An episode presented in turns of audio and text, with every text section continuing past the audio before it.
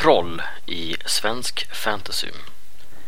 Denna panel spelades in på Svekon 2015 Confuse i Linköping.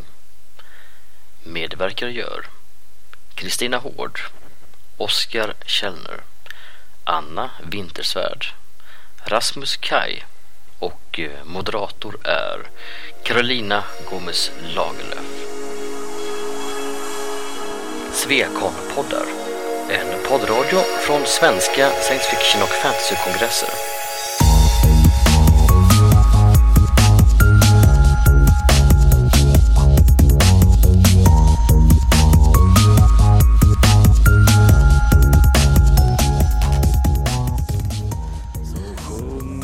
sakta för elva små trång Det vackraste ord hon känner Åh,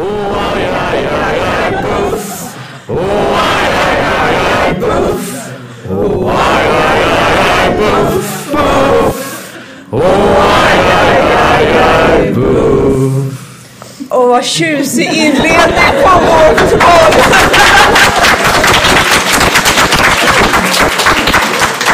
Det, det, är väl bra att vi håller det här på svenska för alla andra människor i andra länder skulle nog tro att vi inte är kloka hur, hur, hur vi sjunger alltså hymner för våra troll här i det nordiska.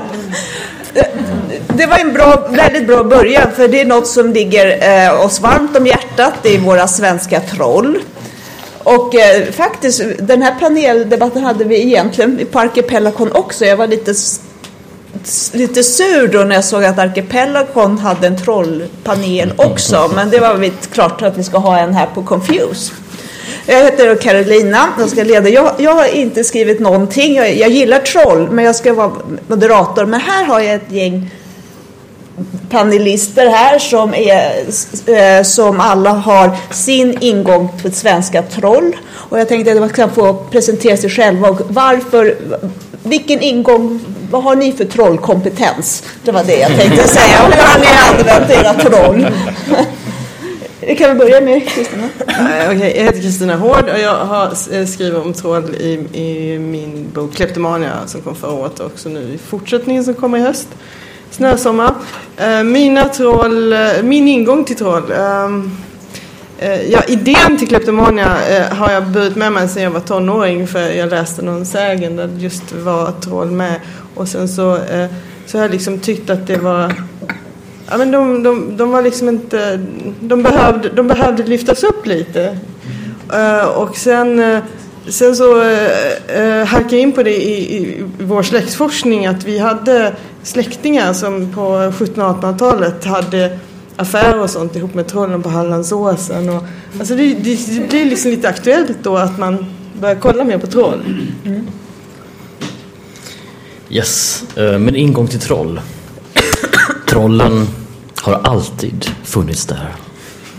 Ja, nej men alltså, jag är uppvuxen i Jönköping.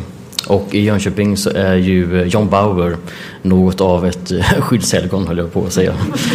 Nej men alltså hans, hans konst finns lite överallt. Vi har John Bauer hotell och John Bauer museum och John Bauer ditt och datt. Och, det fanns en massa John Bauer målningar hos mina grannar som hade barn i samma ålder så vi lekte en hel del där. Jag var alltså fascinerad av de här vackra målningarna med eh, just troll och ja, det fanns en del prinsessor och hästar och prinsar och älvor och grejer. Men, nej, men det var trollen i all deras stora grova härlighet som fångade min eh, fantasi.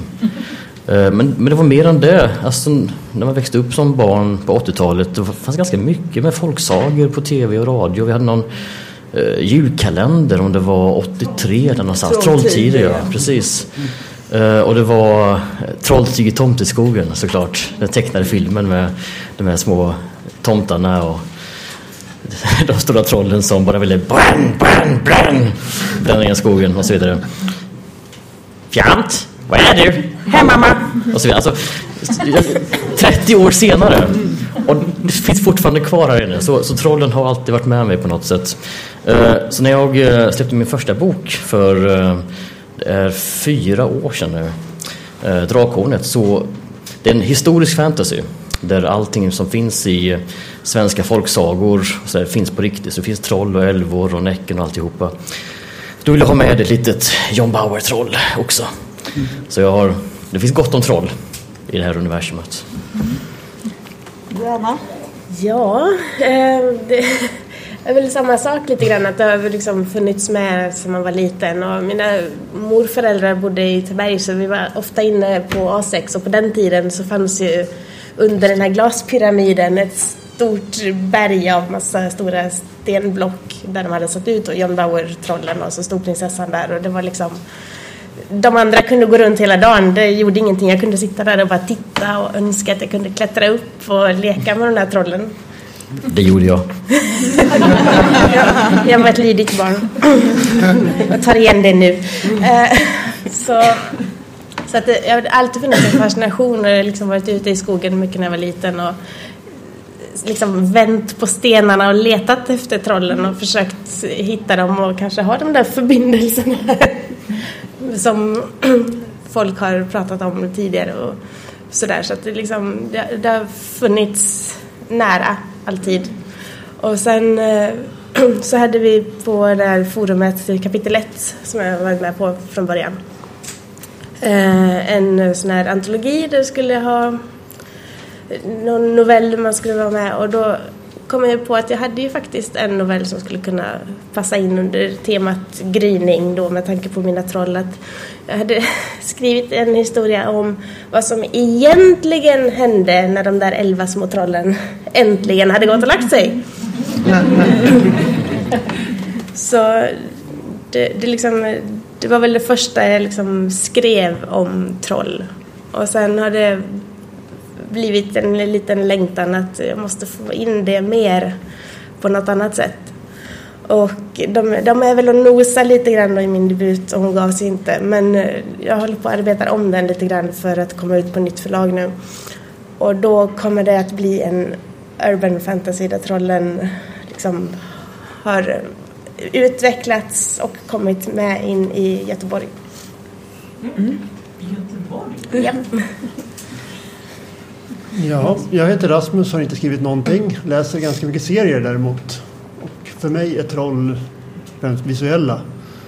Från början i Bamse för min del. Där finns det massor med troll. Det finns skogstroll, det finns små troll som bara är troll, det finns stentroll, det finns dubbtroll. Och allting i skogen lever och det är troll.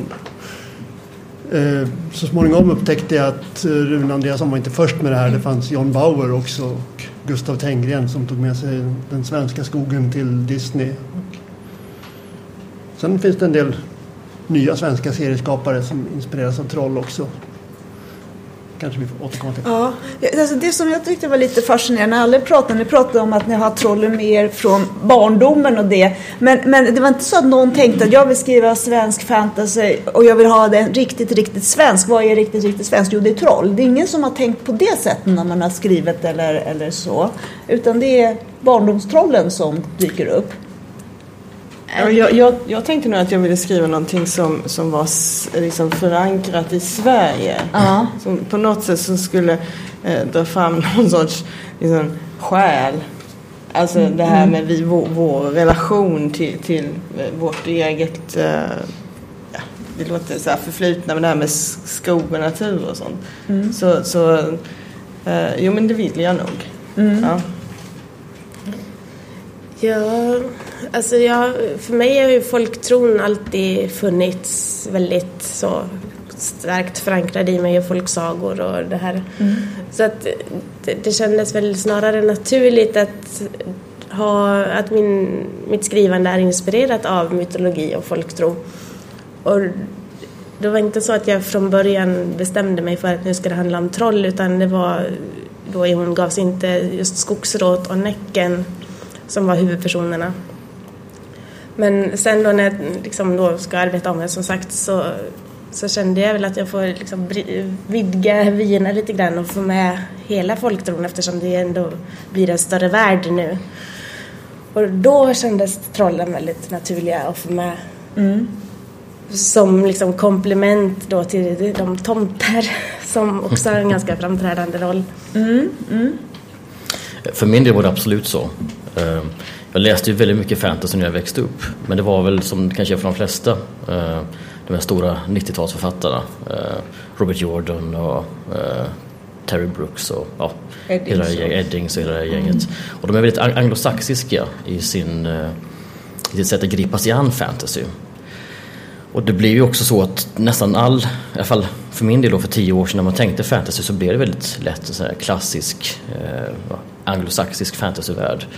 Så det var väldigt, väldigt medvetet som jag ville ta några steg bort från det jag brukar kalla ibland för, för Tolkiens skugga. Eh, och göra någonting som eh, inte kom därifrån utan som kom från mitt eget arv, från min egen, min egen barndom men, men som ändå tillhör eh, min egen kultur och skapa någonting nytt utifrån det. Och sen så vill jag också testa skriva en, en historisk fantasy så jag mixade svensk riktig historia med eh, våran folksaga och våran my, my, my, mytologi. Och då, då blev det helt rätt liksom, va? att ha troll där i- ute i skogen utanför eh, brukssamhället. Det, det var naturligt att de fanns där i mörkret. Det här tycker jag är så här intressant för jag, jag tycker att just nu, nu får hålla, att det börjar växa fram en svensk fantasy på något sätt. Och eh, plötsligt fick jag upp ögonen för trollen när plötsligt, jag läste era böcker och sen så såg jag Jordskott och sen var den här boken Stallo. Och allihopa hade den här, ja trollen kommer fram där men också det här att det var någon slags socialrealistisk del i det hela. Vad säger ni, är det något, är det något svensk fantasy att man ska ha, gå i, från verklighet och sen kommer fantasyn in? Ja. Eh, Ja, alltså allting med troll har ju hela tiden varit just den här eh, konfrontationen med människor. Eh, För det är ju det som är trollmyten. Det är det de utkämpar just nu. Ständigt någon kamp igen mot kristna, mot kyrkan, mot klock klockorna som ringde. Och att, men, men vad jag tror som, som är mer fascinerande med troll, alltså som jag tycker, än de här andra eh, eh, skogsvår och Näcken och det. För att eh, de är solitärväsen. De agerar på egen hand. Men trollen de lever ju i samhällen. De, de har ju liksom communities. De är mer lika oss människor på det sättet. Och de är väl det enda, ja älvorna kanske gör det men de är inte alls på samma sätt lika nedtecknade, lika involverade. För trollen, de har ju liksom levt bredvid. Fast ja, på något sätt i någon sk- skuggsida så har de speglat liksom, någon liksom tvärtom människan. För det är den rollen man har haft i folktron, att man, man, ser, man ser trollen som en slags spegelbild av, av människan, fast på en annat sätt. Eller Ibland- nega- alltså ett negativ på något Men det är inte alltid. Ibland är det ju de som har varit rika och vackra och fina kläder medan människorna har varit luggslitna och... och... Ja, fast inte, inte så. Jag menar liksom där de, eh, deras, eh, eh, hur de hur de dömer, hur de värderar och vad de tycker de kan göra. Vad, vad deras gränser går. Deras gränser, trollens gränser har alltid varit eh, betydligt vidare än människornas. Så det är därför det inte funkar med kristendomen. Eh, så, så det är lite det där oregerliga. Det där man vill, vill eh, dämpa hos den civiliserade människan har trollen representerat. Så därför är de ju väldigt kul. Och då blir det ju, det clashar ju mot samhället. Så därför blir det kanske lätt så här, socialrealistiskt eller man drar in dem och så. Mm. Tacksamt. Det är lite kul för jag, jag satt igår precis just här faktiskt på en panel om arti- artificiella intelligenser. Och då sa jag att mycket av fascinationen jag tror eh, för AIs är för att de på sätt och vis, de är oss. Men de är inte oss. De är som en spegelbild som man kan se sig själv i men ändå inte. Jag tror att det är precis samma sak med troll. De är som oss men de är ändå inte oss. De är en spegelbild där vi kan se och vi kan se någonting annat. Och det blir väl ofta vad vi kanaliserar in i trollbilden. Och i alla fall så tror jag, i alla fall i den mer moderna bilden av troll så är det det här grova. Det här otämbara, det här raseriet kanske till och med. Det här som ligger bortanför. Det mer, eh, ja som sagt det beror på vilken sorts troll man har. Men det mer eh, djuriska inuti som man projicerar. I, I serievärlden, den nya eh, trollen som du tycker ser, hur ser, ser de trollen ut? Kan du se något? Hur, hur, Det, det är ganska olika i de tre eller fyra nya exempel jag har. En är väldigt eh, en ny Bauer-tolkning med gamla folksagor i Bauer-stil för barn. Eh, Trollskogen. Det är, liksom- det är folk, gamla folksagor. Det kunde varit målat av John Bauer men är målat i år. Typ. Eh, en annan är väldigt... De, de andra är mer nutida och realistiska på så sätt att ja, i en serie som heter Prasselsork av Anders Weg Blidlöv som går i Fantomen nu för tiden så eh, har kommit ut två episoder hittills. kommer förhoppningsvis ganska mycket mer under något vart tredje nummer eller något sånt där framöver. Eh, där är trollen en... De finns i vår värld och alla vet om dem. De lever lite marginaliserade i reservat, naturreservat, typ, eller trollreservat. Och, eh, missnöjda med att människor är och skräpar ner i reservaten och sådär. Första... Ja, hela ramhistorien börjar med att eh, Prasselsork, hennes pappa, är shaman och har manat fram den stora älgen och ett par jägare tänker skjuta den stora älgen och råkar istället skjuta hennes pappa. Och ja, hon blir väldigt upprörd och de tycker att ja, det var bara troll, strunt samma. Nu går vi och tar en plankstek och glömmer det här. Så att det, är, Men, det är ju liksom ett, med ett realistiskt budskap i alla fall. Eller vad man ska säga. Men, men det är intressant, jag vet inte, det, när du båda nämnt lite det här mörka djur, att det är någonting annat. Det är det är det som tagit fasta på, men det finns ju ganska mycket troll. Om man tittar i historien så har de olika så här, man kan säga, attribut, eller de gör vissa saker, att de kan vara tjuvaktiga, de gillar pengar, de gillar, de, de tar barn. Menar, det finns vissa saker, men vilka är det som ni har mest liksom tagit till er av de här gam, tro, folktron? Alltså folktron innehåller ju så väldigt olika troll liksom. De, de, de är ju både de här goda, fina trollen som i princip kan passera som människor och som faktiskt också gifter in sig med människor. Det finns ju någon folksaga om någon eh, man som gifte sig med en trollkvinna och liksom verkligen hunsade livet ur henne nästan för att hon var så användbar och stark. och, ehm, och sen eh, så när han hade liksom verkligen varit eh, ett svin mot henne så hade han eh, bestämt sig för att han skulle dra in mot stan. Och så hade han inte kommit så långt för att då hade hästen tappat skon eller någonting sånt. Och så hade hon blivit skitsur och så hade hon kommit ut och bara böjt till en hästsko. Och han hade blivit såhär bara, "Åh, har du varit så här stark hela tiden? Hur, varför har du liksom inte gett igen? Varför har du bara låtit mig hålla? Så bara, men jag älskar dig. Så, så att det liksom, det, de går ju verkligen hela vägen från att vara liksom verkligen människovänliga till de här eh, hyfsat hjälpsamma som kan låna ut liksom under vissa villkor med ränta och avtala hit och dit till de här som bara liksom löper amok och är liksom rent livsfarliga bara att titta på typ. Så att det, man, man kan ju verkligen välja de individer som passar ens egna syften. Och på det sättet så blir de ju väldigt användbara på ett sätt som väldigt få andra folk tror folktroväsen eller varelser blir. För, för ditt troll i, i den där, då, hon är lite hjälpsam va? Ja, du tänker på Snuva här ja. Ja, just det. jo. Nej, men hon, hon är ju en av de få karaktärerna i skogen som faktiskt är snälla. Mm. det finns gott om eh, varelser i skogen annars som inte är direkt hjälpsamma och inte direkt väldigt inställda till människor. Därför att människorna som vanligt eh, avverkar skogen till eh, sitt eh, bruk och de inkräktar hela tiden på gränserna eh, för eh, varelserna ute i skogen. Ehm, alltså, mina troll, jag, jag plockar ju också så mycket jag kan från eh, de gamla folksagorna med bortbytingar och bergtagning och de här bitarna. Ehm, men sen så, just för att det är ens egna universum så kan man ju sen utveckla det åt vilket håll man vill. Till exempel så, mina troll lever i ganska stora och avancerade sociala underjordiska eh, Eh, komplex. De är eh, animistiska förfädersdyrkare till exempel. Och, och jag är inte säker på att John Bauers troll var det.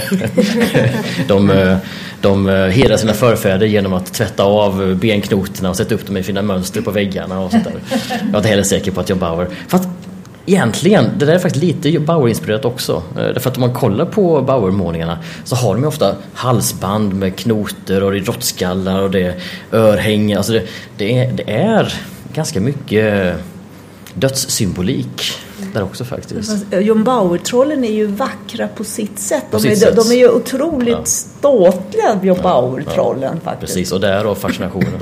Det finns en, en, en nästan rå attraktionskraft på något märkligt sätt till de här bjässarna. Eh, Ja, eh, eh, mina troll, är- eller jag, jag är ju väldigt förtjust i de där trollen som ser ut som människor.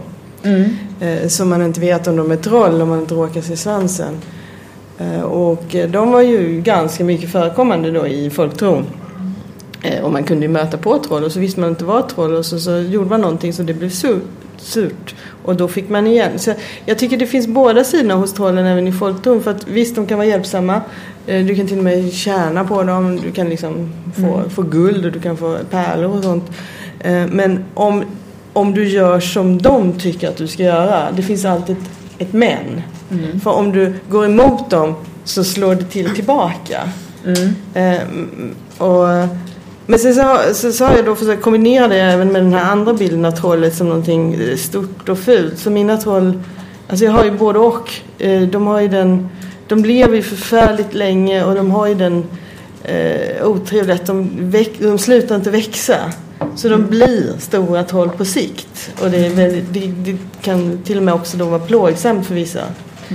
Eh, men, eh, så jag försöker kombinera bägge bilderna, göra något sorts eget troll av det. Eh, Men, men jag, just det här med bergtagning och eh, eh, att de, bortbytingar och sånt där. Det är ju, alltså vi kan tycka, det är ju det är ju inte snällt att, att bergta en kvinna och, och stoppa in henne i ett berg. Men alltså, jag vet de kanske inte ser någon rationell mening med det, trollen. Så jag tror att det snarare handlar om eh, den där, den där kollisionen mellan två olika, olika synsätt. Och man har använt trollen mer som liksom en gränsdragning för vad du som människa i bondesamhället skulle utsätta dig för, för annars kom trollen.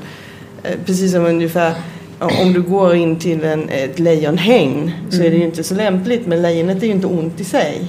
Ja, just det, det, Alltså, det finns en natur hos dem som driver dem. Snarare inte att de är... Jag vill inte se dem som elaka och taskiga utan det är deras natur som driver dem och det, det, det, det är som naturen om och som kan vara snäll ibland men om, Ja. om plötsligt så kommer en snöstorm och då kan man dö i den. Men det är inte det att de är onda liksom. Nej, det finns ingen uppsåt på det sättet att de vill åsamka någon. Ja, för när jag höll på att titta, jag, jag, det var för några år sedan som jag fick upp ögonen just för fantasytrollen, förutom då Tolkien-trollen. Men då tänkte jag på, ja, norr, du vet den norska trolljägaren, Ja. jättekul. Och så var det stall och då var de här böckerna och så här. Eh, som, och då, men nu får ni, för jag tänkte nu får ni komma liksom och säga att jag har helt fel. Eh, för jag eh, kommer ihåg att eh, Selma Lagerlöf, hon är ju som jag upplever en av våra första fantasyförfattare. Hon skrev ju om troll. Och jag, tänkte, och jag tyckte mig kunna se att det var en linje i just det här liksom, med, med realismen och så, så folktron. Och jag tänkte, är det någon av er som, blivit, som har läst Selma Lagerlöf blivit inspirerad av henne? Eller är det bara just när jag gått direkt på folkloren då? Alltså folksägningarna. Alltså, jag var nog intresserad av troll och eh, eh, gav mig in i det. Som, som du säger, man ger sig in och läser allting om troll. Så, så Selma Lagerlöf kom på vägen. Det var inte så att jag gick från henne. Eh, utan hon var en av de där hållplatserna man, man kommer till. Om man börjar ge sig in i folktron och sådär och se vad som finns. Jag har inte läst mycket Selma Lagerlöf ska jag erkänna. Utan jag, för, för, mig, för mig var det John Bauer som var den stora. Och eh, så gick jag nog direkt på folksagorna. Faktiskt.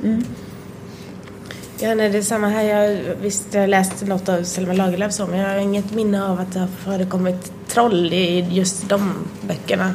Så du har missat den Ja, jättebra novellen inte- som ja. heter Bortbytingen som Ja, det- alla borde läsa menar Ja. du? Så här, så här skambeläggning av mina panelister. Jag har läst, läst Gösta Berlings saga däremot. Ehm, Nej, så att det, ja, det är också ganska direkt på folktron. Mm. Så. Inga Selma Lagerlöf för dig heller? Eh, Jo, ja, faktiskt. Eh, det- Jag minns plötsligt att för ett par år sedan så kom det en pornografisk eh, serietolkning av Ja. vissa Selma Lagerlöf-historier. Ja, ja, just det. De, de har ju faktiskt sett. De är, de, det, är en te, det är en tecknad serie. Vad heter den? Eh, vad heter? Nej, det heter de inte alls. Men det handlar om en, några så här som hon ska skriva i en skog och så kommer alla väsen och... eh, Ja, del, dels den, men Ja. än mer Selma Lagerlöf-inspirerad också det. definitivt. En från Mårbacka. Nej, nej, det är, det är Gösta Berlings Gösta saga Berling. och jag vet precis för det är den här eh, serietidskriften som var där. Mm. Var Utopi, med i Utopi, ja. utopi, så var det. Mm. Det var jätteroligt vad Gösta Berling och, och, och, och, och eh, varulvar var Och det en inte? vargfäll som, eh, som man kunde ha väldigt mysigt med. Nej, nej, jag- kanske är så att jag, i och med att jag heter Lagerlöf som efternamn så känns det som att jag måste läsa allt om Selma Lagerlöf. Men jag råkar gilla det. det. Kan, kan vara detta. Jag, Men, men jag tror du var inne på någonting här också det här med eh, att vi ofta skriver socialrealistiskt i Sverige och det är för att vi har en lång tradition av det. Vi har ju, alltså, under många, många, många år så har ju det socialrealistiska arbetslitteraturen alltihopa, det har ju varit liksom eh, den fina litteraturen. Och oavsett eh, vad man tycker om det så har det ju påverkat. Och det är klart då att även eh, vi då som kanske föredrar eh, att ha fantastiska element i det vi skriver gärna kanske baserar vårt skrivande inte i någon anglosaxisk high fantasy någonstans långt borta utan vi börjar i vardagen. Oavsett om det är vardagen här och nu, någon urban fantasy eller om det är vardagen i ett brukssamhälle i, Kilsbergen för 200 år sedan.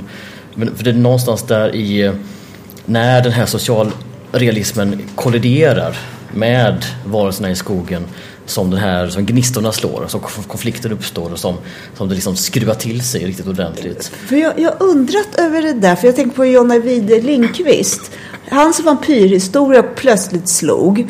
Och för att många läste det som en socialrealistisk roman med vampyrer i. Är det, är, det, är det författarna som vill ha det, eller är det förlagen, eller är det publiken? Eller läsarna?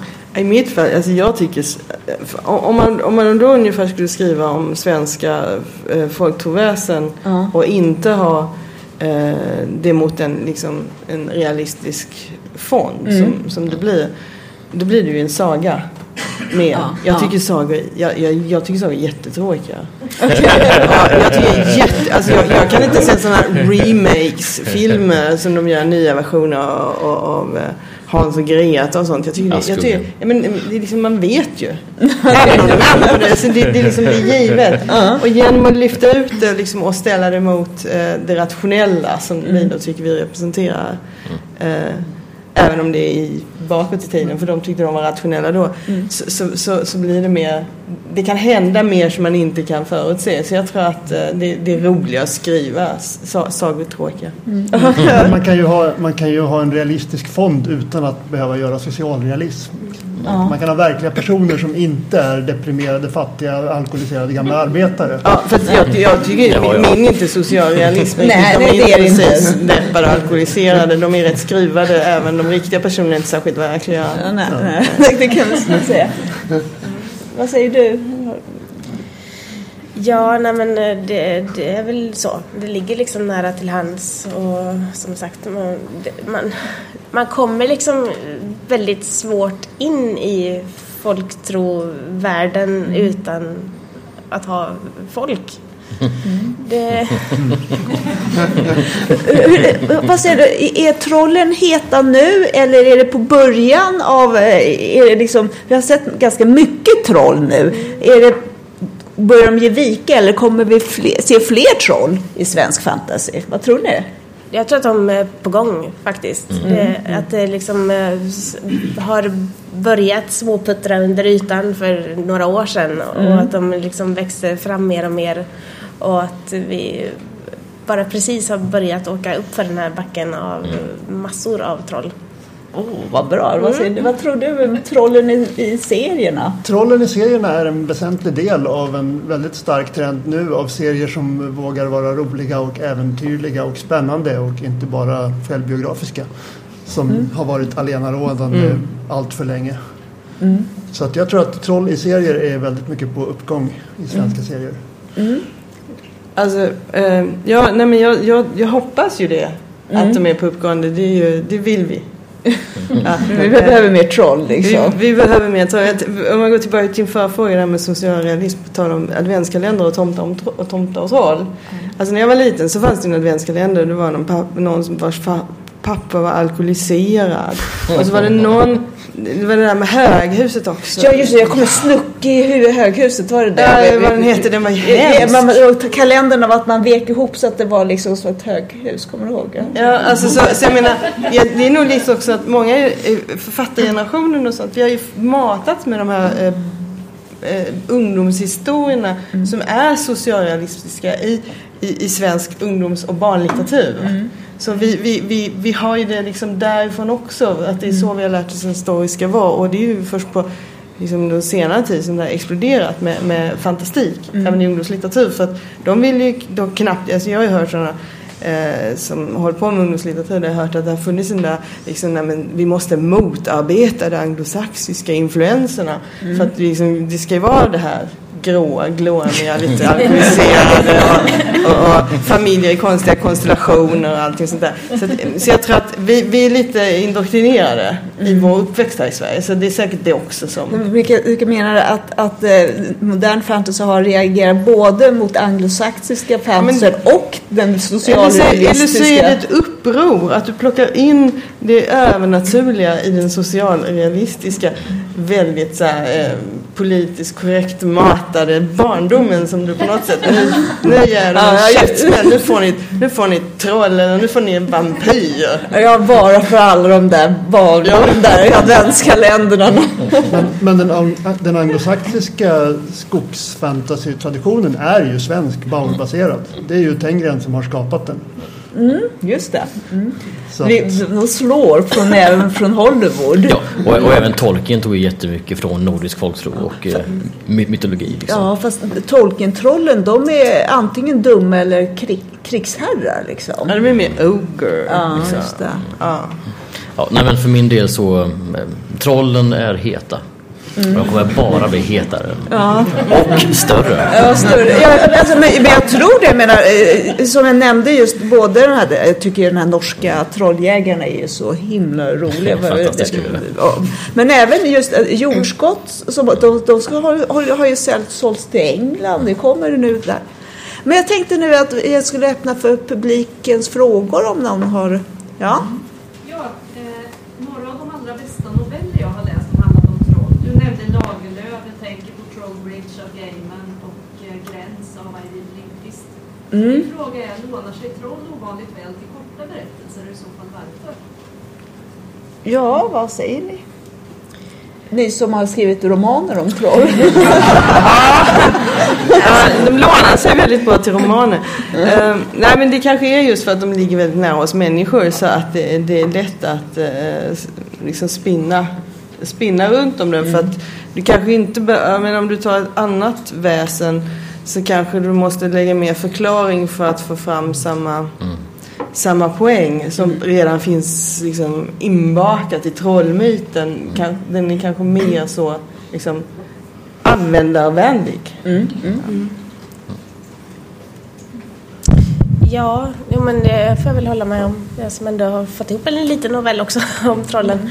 Att det, det, det, alltså, det är en ganska självförklarande modell och att man då kan använda egna erfarenheter. Eller kanske, men alltså just det här kollektiva erfarenheterna på ett annat sätt.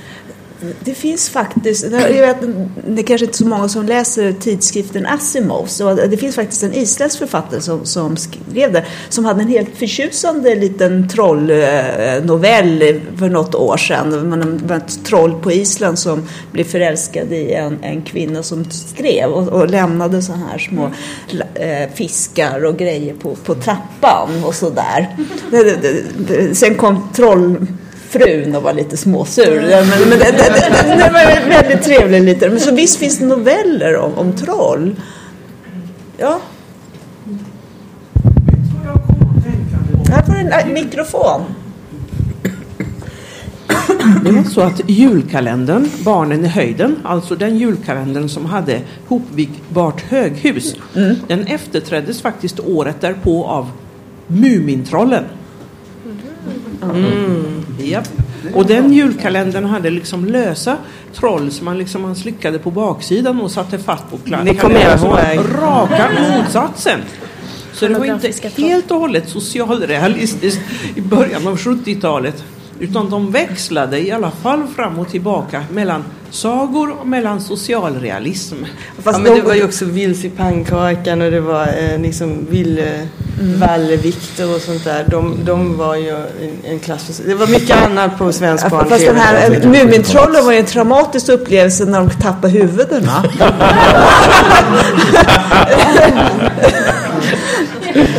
Magnus. Mm. På om det finns några, ja, om det är någon som skriver ur ett trollperspektiv. Ja, finns det trollperspektiv? Ja, det var ju två som viftade. Vi tar med eh, Rasmus då. Eh, Anders, Anders Beg Blidlövs serie Prasselsork är definitivt ur, ur trollperspektiv. Där människorna är lite vagt förekommande vid sidan om. Eh, ja, det är ju ganska drivande för handlingen att en människa skjuter hennes pappa. Då. Men det är ju det är inte en människa som spelar... Alltså den, den specifika människan spelar vad jag har sett ingen som helst roll i resten av serien.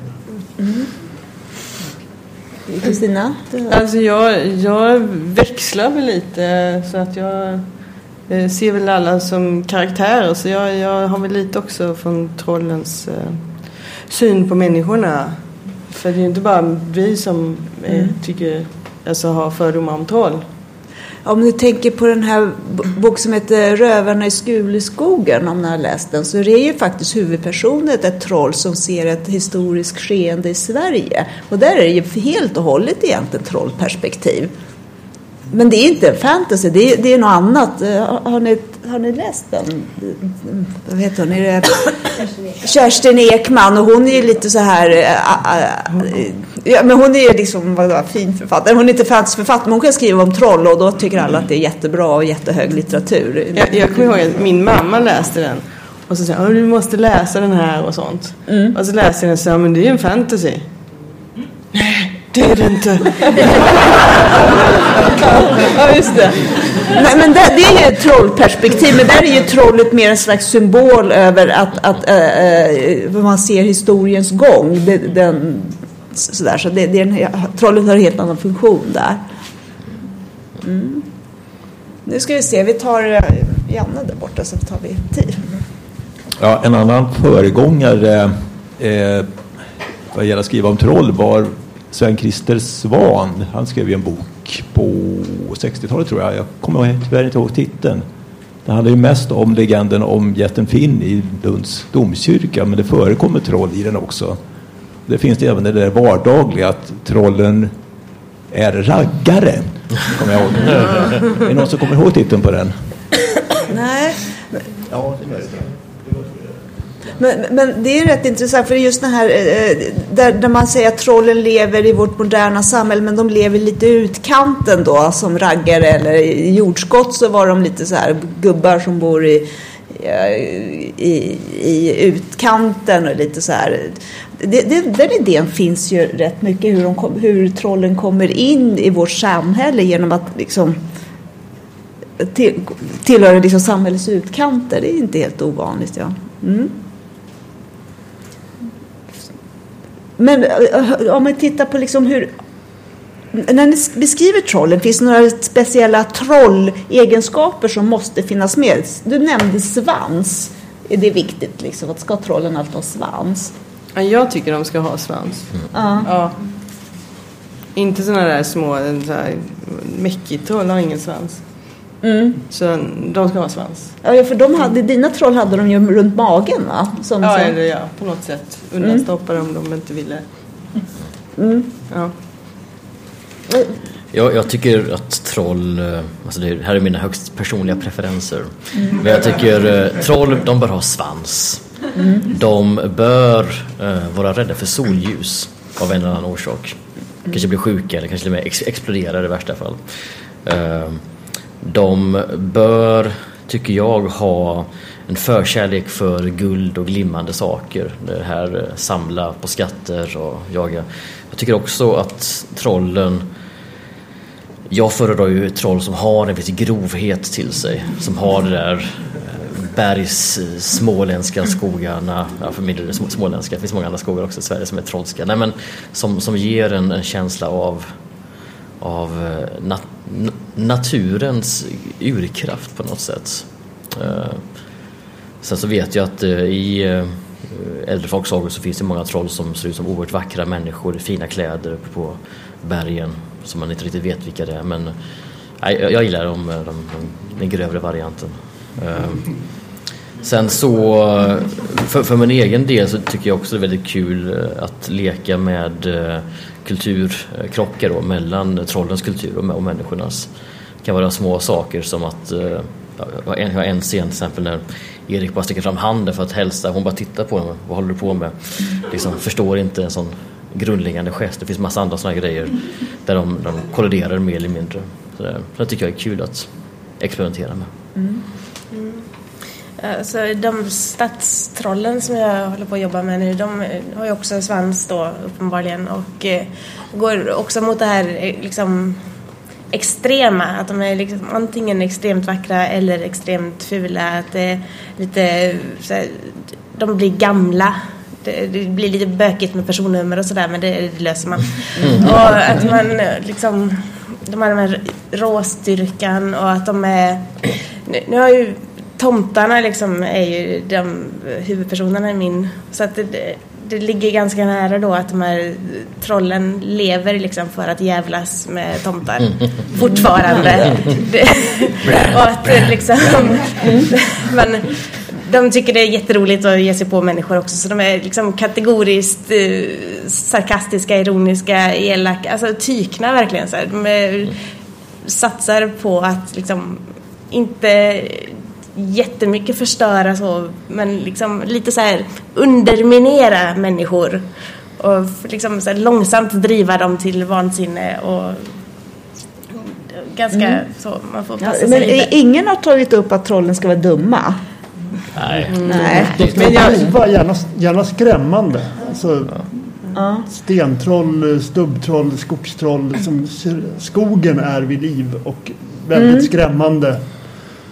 Sen behöver de inte alls vara elaka om man faktiskt lär känna dem eller vågar prata med dem. Om man tittar på ett, om man går tillbaka till Bamse så är det ju liksom, de är riktigt skrämmande. Lille Skutt blir, springer därifrån direkt. Men, men när man väl vågar prata med dem så är de ju jättesnälla för det mesta. Sen finns det elaka troll också.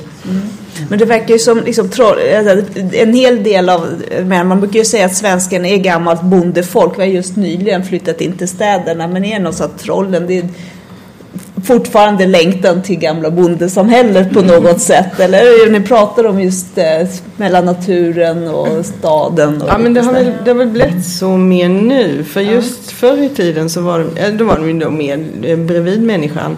Eh, Men ju längre vi flyttar till staden desto längre flyttar de in i skogen. Det verkar som de, liksom, vi separerar oss och sen så har de fått en annan mening just med natur. Medan de för dem var kanske andra saker förr i tiden. De var ett hot på ett annat sätt. Men, men nej, jag, jag, jag brukar tänka på troll att de har en annan moral. Alltså det, Ja. liksom, de har en annan moral, de har en annan syn på eh, just att stjäla och att, eh, hur man beter sig. Eh, och, men det är tacksam, lite tacksamt är det för att alla har ju sin egen uppfattning om troll och det har vi ju sett. Så när man skriver så, så, så tror jag läsaren gärna projicerar in sin egen uppfattning på det man skriver. Så tycker de de är dumma kanske, även om man kanske inte skriver ut det. Eller de är läskiga, även om man inte liksom, gör så mycket. För att alla har en egen uppfattning. Så det, Vi ska ju snart sluta, men jag tänkte, finns det någon till fråga så finns det... Ja. Hur tror ni att trollmyten har uppstått? Alltså var kommer de ifrån från början? Ja, frågan var eh, hur trollmyten har uppstått. Ja, det var en... Men jag tror att det är så enkelt som att det är annorlunda. Att man liksom, de som bor i grannbyn där borta, de är jättekonstiga. De beter sig helt galet och de hittar på massa konstiga saker och bara kolla på dem. De, alltså, antingen är de jätterika eller jättefattiga eller de är lite hårigare än vad vi är eller liksom och sen ja, ju, ju större samhällena liksom blir desto längre bort får, hittar man ju de här trollen då för att de, det, det, är liksom det annorlunda flyttar sig lite. Mm. Min kära far hade faktiskt en teori om hur eh, trollmyten kan ha uppstått. Och det är redan för hundratusen år sedan när det fanns kromagnon-människor och när det fanns neandertalare. Och att det var neandertalmänniskorna som fick bli trollen eftersom de, som man vet idag, var mycket grövre och kraftigare byggda än vad kromagnonmänniskorna var. Och att det liksom redan då kan ha varit stridigheter mellan kromagnon och mellan neandertalare och konkurrens. Och särskilt mot slutet av eh, istiden när eh, eh, eh, neandertalarnas bytesdjur började dö ut som mammuten och jättehjorten och då blev de ännu större konkurrenter och naturligtvis ja, nu ser jag att en till räcker upp handen där borta. Ja, vi, vi ska, jag, jag, vet faktiskt att det där har varit en teori som har funnits Aha. men men jag tror att det, de här neandertalarna har man nog aldrig sett i Sverige riktigt. Men jag tror att mycket har att göra med att vår skog ser ut som den gör. De här stenbumlingarna ser faktiskt man, lite mänskliga ut. Man tycker sig se saker i skogen. Det tror jag är huvud, huvudsaken bakom. Sen tror jag att det finns många andra bakgrunder också som har blandats. Mm. Och den här med neandertalarna kan vara en väldigt vid det här laget väldigt utspädd men en grund i alla fall. Mm. Jag, jag, är lite mer akademisk. Ja. Eh, mm, ja. Jag ser eh, eh alla bara trollen, eh, som gränsvakter mot det man inte kunde förklara. Och att de, de, de representerade den här liksom övergången mot det oförklarliga. Mm. Så de växte upp i sådana gränsområden. Mm. Just och, som Näcken och vattnet. Och att eh, de vaktade de här ännu inte kända territorierna. Mm. Och de växte upp som liksom... Sen har man ju använt trollen att förklara saker och ting med bortbytningar. Man, den här, plötsligt så får man ett utvecklingsstört barn.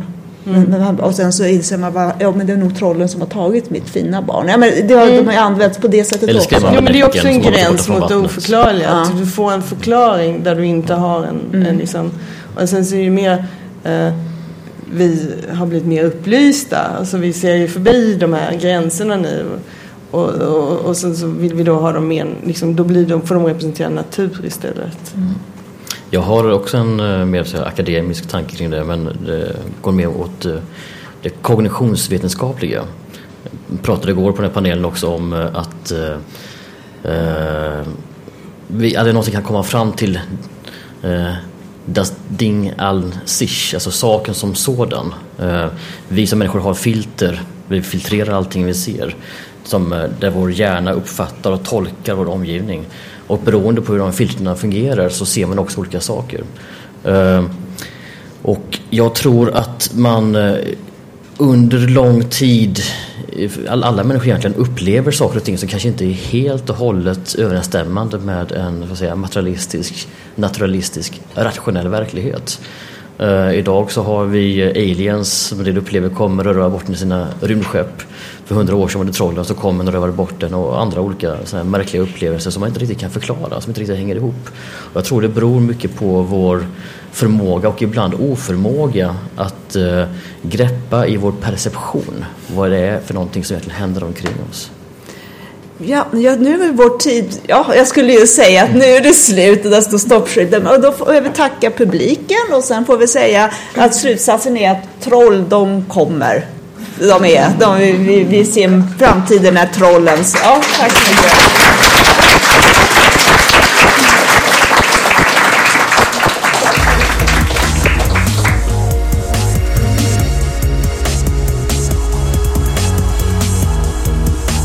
musiken av Psychedelic Pedestrian från Free Music Archive.